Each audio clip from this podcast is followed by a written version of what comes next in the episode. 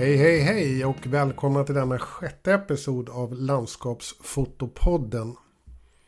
Mitt namn är Mattias Sjölund och eh, jag är en passionerad fotograf med en tydlig smak och eh, en stor passion för just landskapsfoto.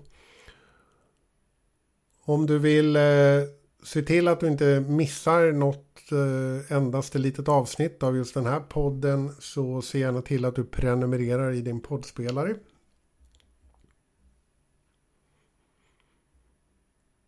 Jag skrev helt nyligen ett inlägg på Fotomagikas blogg som du gärna i anslutning till det här avsnittet får läsa. Den heter Fotografisk separatism. Och även om titeln är lite med glimten i ögat så tar den upp något väldigt viktigt. Nämligen vikten av separation. Vilket vi uppnår på olika sätt. Bland annat med bländarval, med ljus, med färg, med atmosfär och eh, kontrast. Eller en kombination av en eller flera av dessa beståndsdelar eller element. I detta avsnitt tänkte jag utveckla det här om kontrast lite mer. Det är ju lätt att tro att kontrast endast handlar om skillnaden mellan ljus och mörker. Och om det är en stor skillnad mellan ljus och mörker så innebär det per automatik hög kontrast. Och även om det såklart är rätt i sak så handlar kontrast om så mycket mer. Faktum är att väldigt mycket inom foto handlar om just kontrast. Det kan vara kontrast i färg, kontrast i ljus. Men även hur objekt och annat i vår bild framträder känns och ser ut. Om vi exemplifierar med något ganska vanligt förekommande. Nedanför mig där jag bor i Hågadalen så har jag ganska öppna ytor av ängsmark som på ett eller annat sätt är inramat av skog. Eh, stora ansamlingar av löv och barrträd på bägge sidor. Och sent på eftermiddagen och kvällen exempelvis så lyser solen genom dalen och träffar ibland några av de främre lövträden med en del vackert sidljus. Om och när de bakomliggande träden fortsatt då befinner sig i skugga så uppstår faktiskt en möjlighet till en bra bild. Det är långt ifrån säkert att den är uppenbar men om du analyserar eller visualiserar hur det här ser ut framför dig så är det en separation genom kontrast. För att göra det här poddavsnittet nu lite mer interaktivt så kan du klicka på den första bildlänken i show notesen som man brukar hitta under avsnittet i din spelare. Här ser du exakt vad jag menar. Och i en sån här situation exponerar jag för ljuset. Du håller alltså exponeringen till vänster på histogrammet.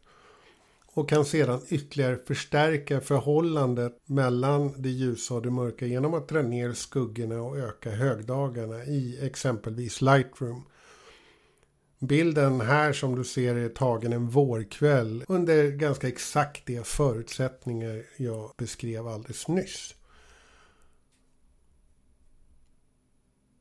En annan väldigt vanlig förutsättning är, eh, förutsättning är ju ljus av sorten låg kontrast. Molniga och glåmiga dagar som av icke-fotograferande själar brukar kallas tråkigt väder. Men det är ju ett kalasljus för oss fotografer i alla årstider egentligen, inte minst höst, vinter och vår. Redan när du ställer exponeringen så kommer du notera på histogrammet att du får en puckel någonstans i mitten på histogrammet. Helt befriad från svarta och vita. Och här blir ju uttrycket skirare och lättare, nästan som en akvarell. Och åter i framkallningen så har du möjligheten att forma ett fint, ganska tyst och rogivande uttryck. Genom att klicka på länken till bild nummer två så får du ett exempel på det här lågkontrastljuset.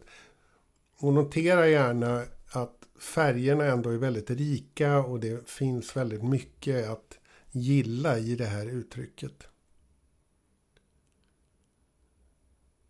Länken eh, under bild nummer tre då, lite som kronan på verket, kontrast genom färg, så tänkte jag att du kan titta på den här bilden. Ett par förutsättningar för möjligheten att ta denna bild var ju tvungna att infrias. Det första var att det varma solljuset behövde träffa tallen. Det andra att bakgrunden fortsatt låg i skugga. Skugga ger ju en blå ton som jag i efterhand här har kunnat accentuera ytterligare. Det varma ljuset och tallstammens naturliga röda ton kontrasterar perfekt mot den här blåa tonen och här får vi då kontrast i färg. Stort tack för att du har lyssnat. Det var ett ganska kort avsnitt idag och det finns såklart massor mer att säga om kontrast.